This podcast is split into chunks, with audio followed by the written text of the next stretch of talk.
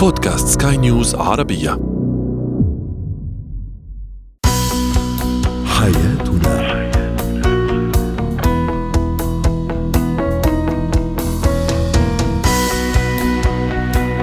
أهلا بكم مستمعينا الكرام إلى حياتنا برنامجكم اليومي الذي يعنى بشؤون الأسرة وباقي الشؤون الحياتية الأخرى والذي يمكنكم متابعته على بودكاست سكاي نيوز عربية. معي أنا طيبة حميد.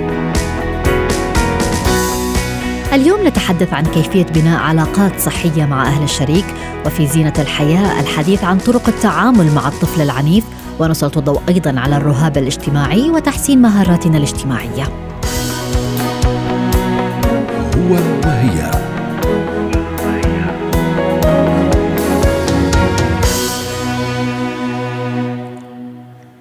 العلاقة مع أهل الشريك مهمة ومؤثرة على طرفي العلاقة بشكل أو بآخر. هي تحمل سمة العلاقة الطويلة والدائمة طالما استمر الارتباط، وحتى عند الانفصال قد تبقى موجودة طالما كان الإنجاب قائما. لذا من المهم أن نبقي هذه العلاقة مع الأهل الصحية على قدر المستطاع، خاصة ونحن دائما ما نسمع عن خوف الشريك من أهل الطرف الآخر، الخوف من التأقلم، عدم التقبل، فكيف يجب أن نتعامل أو أن يكون التعامل الأمثل؟ هذا ما سوف نتحدث به مع الاستشارية النفسية والأسرية الدكتورة كارين إيليا أهلا بك يا دكتور كارين معنا ضمن حياتنا يعني في العلاقات الإنسانية بالتأكيد لا توجد معادلة ثابتة يمكن القياس عليها دوما يعني الأمر قد يخضع في كل مرة لنوعية العلاقة شروط هذه العلاقة ظروف الموضوع لكن هذا بالتأكيد لا ينفي أن تكون هناك أطر عامة ورئيسية في التعامل صحيح؟ صحيح حكما. يعني دائما في الخصوصية اللي دائما بنحكي عنها على العلاقات الشخصية مع الأشخاص شو ما كانت صفتهم بحياتنا ولكن دائما في المعايير الأساسية يلي بنبني عليها. ومن أهم هيدي المعايير المسافة الآمنة يلي نحن بنحطها مع الآخر. ووقتها نحكي مسافة آمنة هلأ ما عم نحكي كورونا جسديا تكون آمنة ولكن نفسيا من خلال بعرف شو بدي أحكي بأي وقت بعرف شو بدي أقول. آه في كلام أنا لازم يمرق على الفلتر عندي قبل ما أقوله حتى لو أنا بعنيه أو بقصده تجاه الأشخاص. وهون تحديدا عم نحكي عن آه أهل الزوج أو أو أهل الشريكة. نعم. آه بالإضافة إلى ذلك آه دائما وقت يصير في أي نفور أو أي خلافات أنا بدي أعرف حجم آه التحمل قبل ما أعمل ردة فعل أو انفعالات. لأنه مثل ما بنعرف كثير وهيدي من نختبرها بحياتنا إنه إذا أنا بتقولي لي كلمة دغري برد عليكي بتقولي لي كلمة دغري برد عليكي النفور بيصير حاضر من الأول والنفور بيولد خلافات الخلافات بتولد مشاكل كبيرة المشاكل الكبيرة بتؤدي لانقطاع ولقطيعة ولعدم تواصل. بينما إذا أنا أول مرة مرقت إشياء صغيرة تنقال ممكن تجرح ممكن تأذي هودي القصص بس يمرقوا عندي بنساهم مع الوقت. ولكن إذا بتفاعل معهم جسمي بخزن التفاعل يعني بيتذكر الانفعال يلي عمله. وهيدا الانفعال بصير يجي خلفه انفعال تاني. ولهالسبب تتأزم الأمور. يعني أنت ذكرت دكتور كارين فكرة المساحة الآمنة. يعني هل نستطيع أن نقول يجب أن يكون هناك بالفعل حدود للعلاقة مع أهل الشريك؟ وأيضا يعني كيف نتعامل مع هذه الحدود؟ كيف يجب أن تكون؟ نعم. بتعرفي شغلة الحدود مش ب... مش بس مع أهل الشريك. أنا لازم أعرف حط حدود مع كل الأشخاص بحياتي ولكن كل شخص في له آه المسافة الآمنة بيني وبينه يلي بتختلف وفي بعض الأوقات هناك أشخاص يتجاوزون هذه الحدود حتى لو إحنا وضعناها. أها. لهالسبب وقت قلتي لي لازم نحط أطر وحدود لهالشغلة صحيح لأنه أنا وقت أحط حدود للأشخاص على علاقتي فيهم أنا بكون كثير عم آه عم بحترم خصوصيتهم عم بحترم مساحتهم وهن بعلمهم يحترموا مساحتي. يعني أنا بس أخلق مسافة مع الآخر أنا مش يعني عم كون عدائية أو رفضيه مع الآخر أو عم كون عم ب... عم أقول له ما بدي إياك بحياتي. كيف نستطيع أن نخلق هذه الحدود دكتور كارين؟ يعني هل يجب أن تكون مثلا اتصالات بأوقات معينة زيارات بأوقات معينة؟ يعني هل مثلا لو كان هناك اتصال لا أود أو لا أرغب في أن أرد عليه هل أستطيع أن أفعل هذا الشيء مع أهل الشريك؟ نعم هيدي الشغلة آه، بتنلعب بطريقتين أولا حسب طبيعة شخصيتي وقديش الآخر يلي بوجهي آه، عنده قدرة يتحمل مني أسلوبي وبمطرح تاني الشريك عنده دور كمان يكون عم بيحضر أهله إنه هيدي هالقد الحدود بينكم وبينها وما بيكون عم بيقولها بأوقات خلافية لأنه كمان شغلة كثير مهمة. وقت اللي بدي أحط الحدود مع الآخر إذا بحط الحدود بالأوقات الطبيعية لحظة يلي أنا ما عندي مشاكل مع الآخر آه بتكون هينة. ولكن أنا لحظة اللي بيصير في خلاف بيني وبينك وعلى أساسها بحط القوانين هون بتصير القوانين آه، مبنية على آه، آه، هيك نفور ورفضية ومبنية على نحن بنسميها لأمنة نعم. هيدي الأمور مش عايزين نستعملها بهالوقت. بالايام العادية أنا بخبر إنه أنا مثلا بعد الظهر ما برد على تليفوني لأني يا بكون نايمة يا بكون عم درس الاولاد أو شيء سو هن بيصيروا متوقعين مني أو عندهم انتظارات إنه بهذا الوقت أنا إذا ما رديت عندي اسبابي نعم. بالوقت ذاته أنا مثلا بقدر خبر أحكي إنه أنا لأحد هذا مثلا أحد هو نهار لعائلتي. آه أنا عندي كثير شغل ما بحب الصبحيات.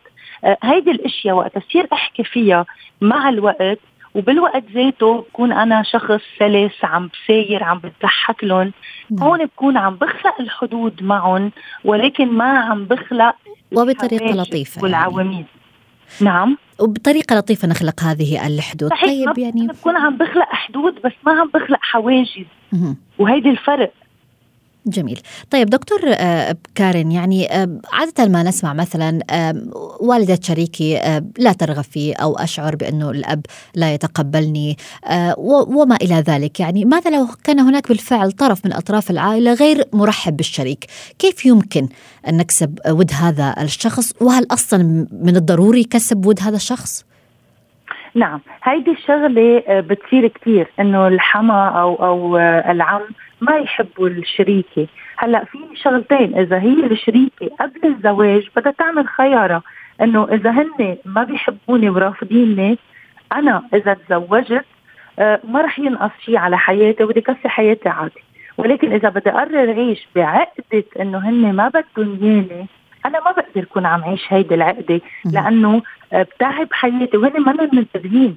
لأنه هن عايشين حياتهم هن بس وقت يكون في موقف مرتبط بالشريكة آه، بيعبروا عن مواقفهم الرفضية. ولكن بالأيام الثانية مكملين حياتهم عادي من دونها. لهالسبب هون الشريك عنده دور يرجع يفرض شريكته على عائلته بس بالطريقة يلي كمان ما بتنفرهم لأنه إذا أنت شخص ما بتحبيه ما بقدر أقول لك بدك تحبيه بالقوة. لأنه بالعكس بتصيري مش قادرة تشوفي خالص.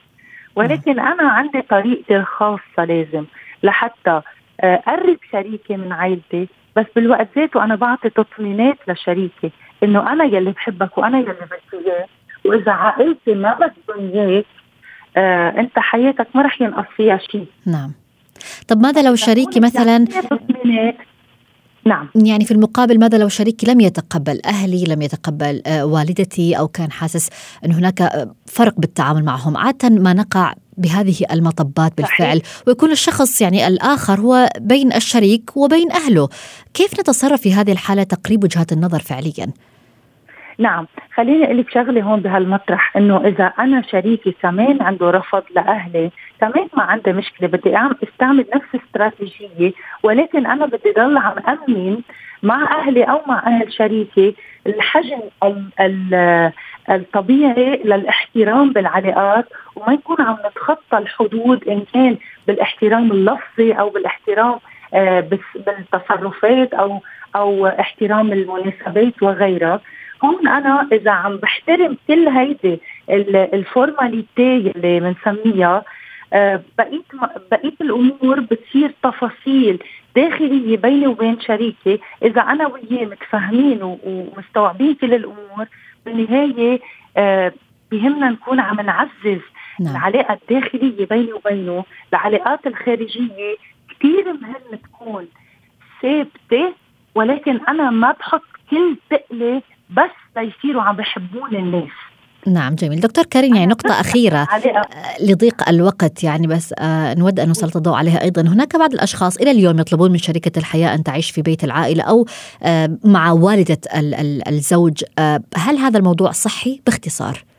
ما هو هيدي الاختبارات يعني كلها عم تثبت إنه عدم صحيتها. ولكن نعم. أحيانا ما فينا نعطي رأي لأنه في ناس قدراتهم المادية ما بتسمح لهم ياخذوا بيوت.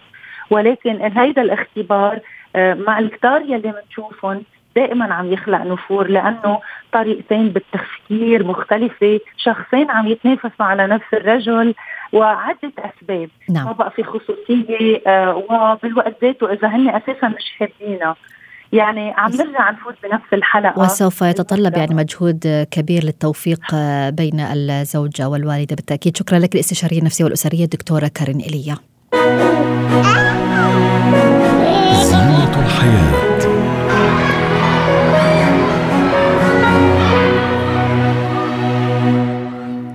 إذا كان الأهل يلاحظون سلوكيات عدوانية وعنيفة تصدر من الطفل كالعض أو الضرب أو حتى تعذيب الحيوانات الأليفة فيجب أن يقفوا هنا ويدركوا أن هذا مؤشر خطير على تحول سلوكيات الطفل وعدم سيطرته على غضبه. ومن المهم أيضا أن نفهم الأسباب التي أدت إلى هذا العنف لكي نتمكن بالتالي من الوصول إلى الحلول. هذا آه آه هذه الأسباب وغيرها سوف نناقشها مع الخبيرة التربوية هبة شركس. أهلا بك أستاذة هبة آه معنا. يعني نستطيع أن نقول يقول إنه لا يوجد طفل عنيف بالفطرة وأن هناك أسباب وراء عدوانية الطفل؟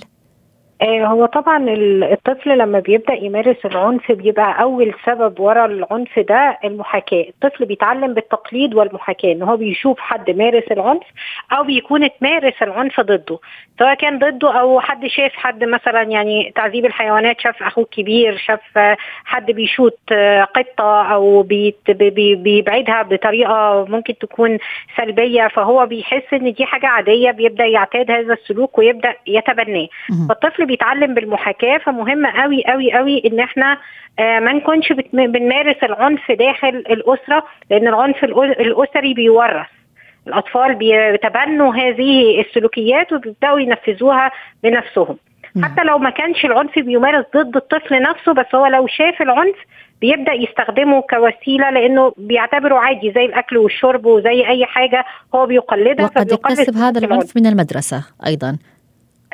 طبعا زي ما في محاكاة للحاجات اللي بتحصل داخل البيت ممكن طبعا يحصل الكلام ده معاه في المدرسة آه، من خلال أصدقائه أقرانه من خلال المدرسين يعني مشاهدة الطفل لسلوك العنف ممكن يخليه يبقى عنيف وده هل نستطيع أن نقول أيضا يعني أستاذ هبة هذا العنف قد يكون يعني طريقة للطفل يعبر بها عن الرغبة بالحصول على ما يريد أو يحاول هو عن طريق هذا العنف أن يجد الطريقة الخاصة للتعبير؟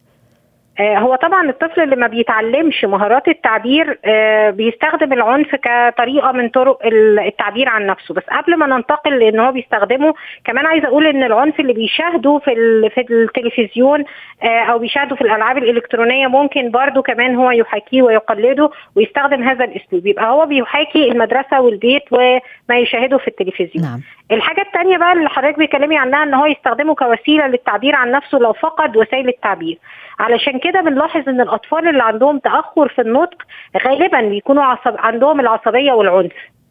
لأنه ما عندهوش بديل مش عارف يتكلم مش عارف يعبر عن نفسه مش عارف يدافع عن نفسه مش عارف يطلب طلباته بطريقة سليمة فبالتالي بيلجأ دايما للعنف والعصبية لعدم قدرته عن التعبير اللفظي وده بيخلينا نقول إن لما ابنك يتأخر في الكلام مهم جدا إن إحنا نروح لحد مختص تخاطب ونساعده إن هو يتكلم علشان من الآثار الجانبية بتاعة تأخر النطق هي آه تأخر التواصل والمهارات الاجتماعية وتبني سلوك نعم. العنف والعدوان طيب في هذه الحالة كيف يجب أن نتعامل مع هذا العنف؟ أيا كان السبب يعني يعني عادة ما يشعر الأهل بالتعب عدم القدرة على التعامل مع هذا الطفل العنيف لأنه عادة ما يكون هذا العنف أيضا مصحوب بعناد. هو طبعا أول حاجة نوقف العنف ضد الطفل أو العنف الموجود في البيئة المحيطة فيه في المدرسة في البيت في في ال آه، البرامج التلفزيونية اللي بيتفرجها أو المسلسلات اللي بيشوفها. آه، بعد كده نبدأ نعلم الطفل مهارات التواصل الجيد. يعني لما ما اجيش والطفل بي بيضرب حد وامسكه وأقول له ما تضربش وما تعملش واربيه في وقت الغضب لأ أنا أجيب الطفل في وقت هو هادي فيه وأحكي له قصة شخص عنيف. واحكي له إزاي الشخص العنيف ده اتعلم هو ليه بيضرب الآخرين علشان هم بيعتدوا على حقه مثلا فهو عايز يرجع حقه. نعم. واتصرف إزاي؟ مامته قالت له طب إيه رأيك لو تروح وتتكلم معاهم من غير ما تغضب؟ وبعدين نمثل المشهد اللي إحنا اتكلمناه ونفضل نتعامل مع الطفل كده. أهم حاجة في الموضوع إن أنا أتعامل معاه مش وقت الغضب. لأن إحنا ممكن نكون بنحاول نعدل سلوك الطفل الغاضب لما يكون غاضب. طب ما إحنا خلاص عرفنا ان هو ده بقى سلوك متكرر عنده فما نستناش وقت الغضب لا بالعكس في وقت هو رايق فيه وهادي فيه أنا ببدأ أكلمه. بحكي له عن طريق قصة وعن طريق آه مثلا آه أحكي له حدوتة أجيب له العابه وأقول له إن الألعاب هتتخانق مع بعض. تفتكر هم غضبانين ليه؟ عشان يقدر هو يسمعني هم بيزعلوا من إيه أو هو شخصيا يسقط على هذه الألعاب مشاعره ويحكيها لي. فكأنه جميل. اختبار إسقاطي كده للطفل علشان أقدر أفهم هو إيه اللي بيغضبه وبعدين أبدأ أعلمه إزاي يتعامل مع الأشياء اللي بتغضبه عن طريق برضو القصص والمشاهد التمثيلية. تعالى نمثل إن أنا دلوقتي مثلا آه، آه، خبطتك أو أخدت لعبتك أو عملت كذا إزاي ممكن تتصرف معايا؟ ممكن أصور الطفل وهو بيعمل التصرفات الصح وأخليه يشوف نفسه وأخليه آه، يعني أخلي الناس اللي حواليا زي الوالد وإخواته لو عنده إخوات كبار يشجعوه. ف- هل يجب يعني أن نغمر الطفل مثلا بالمشاعر الإيجابية الحب أن نعانقه عندما يشعر مثلا بالغضب هل هذه الأشياء تمتص الغضب؟ دي دي نقطة مهمة جدا اللي هو إزاي اتعامل أصلا مع نوبة الغضب. يعني إحنا قلنا هنتعامل في تعديل السلوك في وقت غير الوقت اللي هو غاضب فيه. نعم. لكن ساعة لما هو يكون غاضب آه، مش المفروض إن أنا كمان أدخل داخل دائرة الغضب معاه وأتوحد مع شعوره وإحنا الاتنين نبقى غضبانين وإحنا الاتنين يبقى صوتنا عالي. وأنا كمان أحيانا ممكن أمارس ال- العنف مع طفلي لما هو نعم. يكون غاضب أو يكون عنيف. لكن الأفضل إن أنا أكون خارج دائرة الغضب وأروح وأقرب من طفلي وأنزل لمستواه أو أرفعه لمستوايا وأضمه وأحاول إن أنا آه، أسكته وأحتويه في المرحلة دي لأن ده مش وقت تربية ده وقت آه، فعلا احتواء ووقت إظهار مشاعر الحب والاحترام له. نعم. طيب هل يجب مثلا أن نعود الطفل آه، على تفريغ هذا الغضب بمعنى بممارسة الرياضة بممارسة نشاطات مختلفة مثلا؟ هل تساعد؟ هو مهم إن إحنا نفرغ طاقة الطفل يعني الطفل يبقى عنده أنشطة يبقى عنده هوايات إن هو يبقى عنده روتين يومي الروتين اليومي بيظبط إيقاع المشاعر آه، الخاصة بالطفل يعني نعم. بيخلي بيخلي مشاعره متزنة فإن هو يكون بيمارس الرياضة إن هو يكون عنده أصدقاء إن أنا أهتم بحياته الاجتماعية آه، إن هو يكون عنده هوايات آه، بيحب يمارسها إن هو كمان يكون بيتلقى وبيستقبل الحب والأمان والعطف في في بيته انه يكون عنده ثقة بنفسه نعم. كل الإشباع الاحتياجات النفسية للطفل بتقلل بشكل كبير العنف وروتين الحياة وكمان ال- الإشباع المعرفي إن الطفل يبقى عارف إحنا متوقعين منه إيه وعارف القوانين وعارف الطرق اللي يتصرف بيها لما يغضب يعني إن أنا نعم. أعلمه آه، ضبط النفس آه، واحسسه إن دي حاجة دي, دي القوة الحقيقية لأن برضو كمان المفاهيم الغلط عند الطفل إن اللي بيضرب هو القوي آه، ده ممكن يكون من المفاهيم الخاطئة عند كتير قوي من الأطفال اللي بتحتاج لتعديل إن نعم. أنا أفهمه القوي هو اللي بيضبط نفسه وبياخد حقه بالعقل وبالمنطق. القوة قوة عقل مش بالتأكيد. قوه آه، آه، تشابك جسدي. وضحت الفكرة شكرا لك على هذه النصائح الخبيرة التربوية هبة شركس. مهارات حياه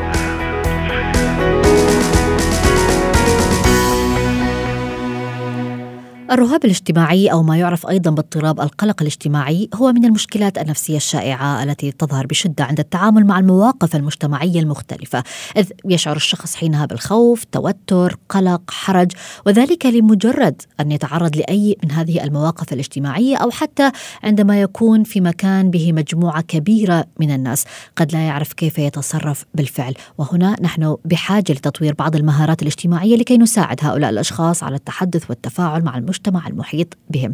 تنضم لنا الآن مدربة مهارات الحياة تانيا عوض للحديث عن هذا الموضوع، أهلا بك تانيا معنا ضمن حياتنا، يعني دعينا في البداية وبشكل سريع نعرف فكرة الرهاب الاجتماعي ومتى أصلا تبدأ بالظهور عند الشخص. صحيح الرهاب الاجتماعي هو أقل صعوبة من اضطراب الرهاب الاجتماعي أو يعني سوشيال انكزايتي مش مثل ال social يعني شو بيقولوا لها بالإنجليزي لها غير اسم. ال anxiety ممكن إنه نعمل. تمارين ونساعد نفسنا لنتقدم. إذا كان عندنا الاضطراب أعمق أكيد نتوجه لمتخصصين بيساعدونا على مدى من الوقت. لحتى نتخطيها. متى تبدأ؟ تبدأ عادة في سن المراهقة. لأن سن المراهقة هو السن يلي خلاله المراهق يسعى لحصوله على القبول من من المشابهين له أي من من من الأصدقاء ومن المجتمع غير العائلة والأهل. هون بتبلش بدي أرضي المجتمع بدي يكون بخاف إنه ما أكون مثلهم بخاف إنه إذا حكيت يضحكوا علي وبتكون أيضا التنمر في هذا العمر يرتفع أكثر من باقي الأعمار فبصير هيدا الخوف ببلش هون العديد من المراهقين من بعد تخطي سن المراهقة يتخطون هذه الأزمة نعم. إنما يبقى هنالك عدد منا لا يستطيع التفوق عليه فياخذ معه هذا نعم هذا القلق ويواجه المجتمع صح. به طبعا عندما يتوقع البعض يعني أستاذة تانية إنه الجميع قادر بالفعل على التفاعل مع الناس مع المجتمع المحيط وفي العمل. ولكن يعني أكيد هذا الموضوع غير صحيح لأنه هناك ناس بالفعل قد تلتزم الصمت ولا تعرف ماذا تفعل عندما تلتقي بالأشخاص. في هذه الحالة هل هناك مهارات معينة يجب أن نطورها أو هم يطوروها في أنفسهم؟ دائما هنالك مهارات ولا بد من الإشارة كما تفضلتي أنه شخصياتنا متنوعة وهنالك الانطوائية والاسرتيف أي الجازمة وفي عندهم أشخاص بيكون عندهم سهولة بالتحدث بالمجتمع أو أنه يفوتوا على مكان عام ويلاقوا فيه زحمة ويفتحوا حديث. ولكن هذا الأمر نحن متنوعين والبعض منا ما ما بحبها أو بتزعجه. هيدا يختلف عن رهاب أو أو القلق. نعم. يلي عم نحكي عنه. ولكن طبعا كلنا فينا نطور مهارات. القلق ممكن إنه لحالنا نساعد ذاتنا. من خلال يعني أمور بسيطة ممكن نعتاد أن نقوم بها. مثلا يمكننا اولا يجب تحديد أي نوع من الرهاب الاجتماعي أو الانكزايتي أو القلق عنا هل مثلا إذا كنا بمكان عام حتى لو ما عنا إنه نتكلم. يعني مثلا أنا مدعو على حفل كوكتيل آه لنقول ما بحب أتعرف على ناس وبقلق إنه يضحكوا على شكلي أو على لبسي أو أحكي شي كلمة غلط. أو لا أنا هيدا الشيء ما كثير يعني بقدر أتعامل معه ولكن أنا عندي رهاب أن أصعد إلى مسرح أو إلى أن أمسك مثلا الميكروفون إذا طلب مني التعبير أمام الحشد نعم. آه أو إنه مثلا يمكن أمام الامتحان أمام الأساتذة. آه عندي هيدي المشكلة. بدي أحددهم. أول شيء أقوم بالتحديد. ثانيا التمرين البسيط الآخر يلي ممكن نعمله بنقول له فيجواليزيشن ماذا يعني هذا الأمر؟ أن أتصور نفسي وأنا في غرفتي في تختي في في مقعدي في البيت آه، في تلك المواقف بتخيل شو بيصير معي بدق قلبي نعم. آه، بتعرق إلى ما هنالك. وأتخيل أنني سأنجح هذا الاختبار. بتخيل إنه أنا فتت نعم. على هالمكان شو حسيت وكيف عملت لأتخطى. شو فتحت حديث؟ يعني بتمرن كما التمثيلية. أتمرن على الكلمة المفتاح التي سأقولها اللي هي آمنة لإلي بتمرن على إني نعم. آخذ الكلمة أو إني أتخطى هيدا الخوف. التمرين من خلال تصوري لتلك المواقف التي أرهبها أو أخافها. جورنالينج أي كتابة المذكرات. ماذا حصل معي؟ ماذا شعرت؟ كيف أنا أشعر الآن؟ ماذا سأحاول في المرة المقبلة؟ كتابة ال ال الجورنال أو المذكرة الخاصة. هل هناك مثلا جمل معينة يجب أن يتعلمها الأشخاص مثلا لبدء أي حوار أو أي حديث مع أي شخص؟ طبعا هنالك جمل آه، بسيطة. أولا الابتسامة. الابتسامة آه، هي أبسط أمر نقوم به والابتسام عند التقدم من الحشود آه، ومن الجماعات يساعدنا على قبول الآخرين لنا. ما في حدا بيشوف وجه مبتسم وبيعبس بوجهه. فالابتسامة بتطمني وبت... إذا بتمرن عليها بت... وبتطمن الآخر وبتطمني من نظرة الآخر إلي إنه عم يقبلني. هذه الخطوة الأولى. وطبعا هنالك جمل مفاتيح ومثلا البعض بعرف بعض الأشخاص يلي عندهم خوف التكلم مثلا. أمام الجموع والحشود آه، بيعبروا عن هالشيء بصدق. بيقولوا إنه للصراحة مثلا آه، آه، أن أتكلم أمام الجماهير ليس من من الأمور التي أرتاح لها كثيرا فتحملوني إذا تبلكمت أو تلعثمت أو نعم. إلى ما هنالك وعادة ما يتقبل الناس بشكل لطيف هذه المقاربة. طبعا هنالك الجمل التي يمكننا التحدث عنها زحمة السير أو الطقس اليوم أو أمور أمور بسيطة تحصل معنا أو المكان جميل أو هذا الحفل لذيذ. شكرا على الدعوة. هذه طبعا جمل مفتاحية. التنفس. التنفس هو تمرين آه، بسيط ويمكننا القيام به دون أن يشعر بنا الآخرين. بالتأكيد. التنفس المايندفول يعني وهو بالتالي يعني سوف يخفف من كل هذا التوتر والقلق. شكرا لك على هذه النصائح مدربة مهارات الحياة تانيا عوض. حياتنا.